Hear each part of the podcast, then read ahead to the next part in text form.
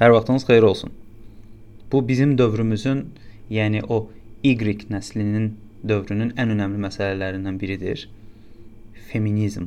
Ümumiyyətlə birinə feministsən deyəndə belə qəribə qarşılayır. Görəsən nədir bu? Ayda sən də qoşuldun bu hayasızlara, belə bir ifadə də olur.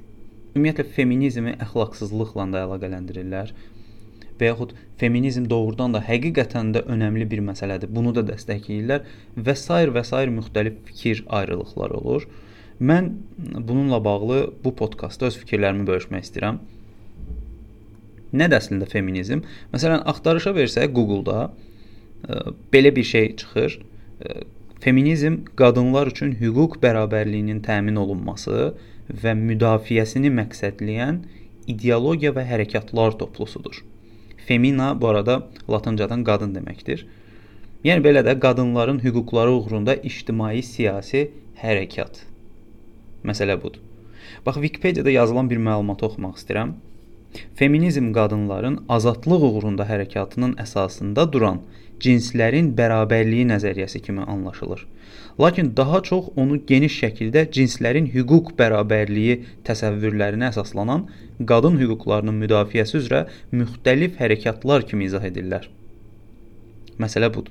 Yəni biz də başa düşülən şəkildə desək, qadınların hüquq bərabərliyini istəməsidir. Yəni qadın deyir ki, qardaş, mən kişi ilə bərabər olmalıyam. Məsələ budur. Burada indi məsələnin psixoloji tərəfinə baxsaq, əslində kişi və qadın hüququ deyə bir şey yoxdur. İnsan hüquqları var. Dolayısıyla cinslərin hüquqları məsələsi deyil. İnsan hüquqları məsələsidir söhbət.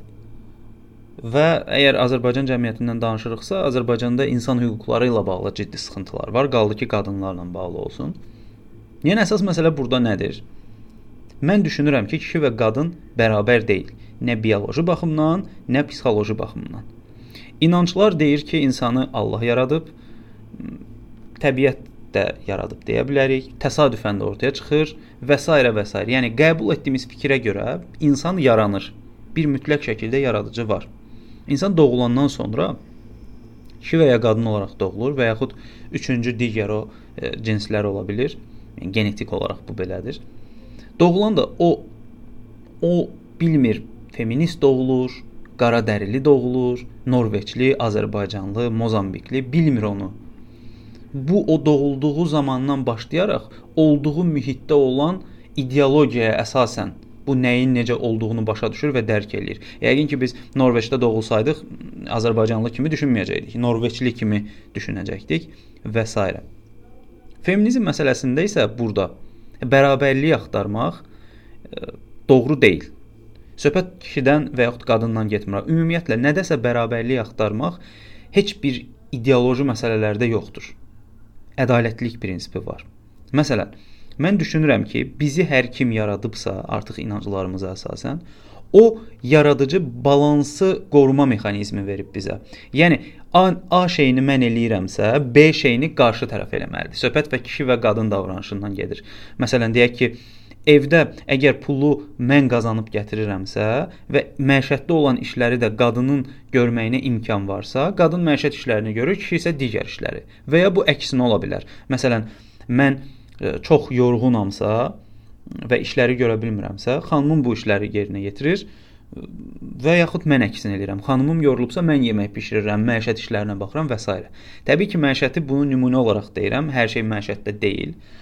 Bu da önəmlidir.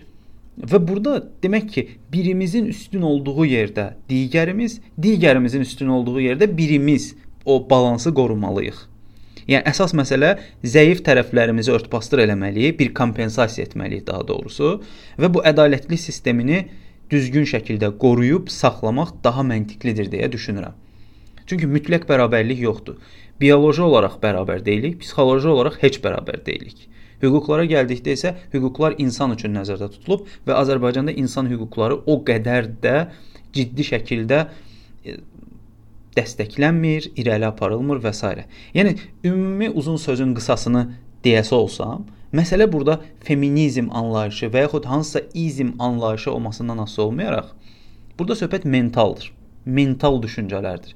İnsanların mental düşüncələri onların hüquqi şəkildə və real məntiqli şəkildə davranmasının qarşısını ala bilirlər. Bax bu mental düşüncələr həyatımıza yansıyır, bizə tətbiq edirlər, biz də kiməsə tətbiq edirik və bu ideoloji proseslər çoxlu sıxıntılara səbəb ola bilər. Məsələ budur. Hər şeydə bərabərlik axtarmaq olmaz, amma hər şeydə mütləq formada ədalətlilik var. Uşaq olanda doğuluruq.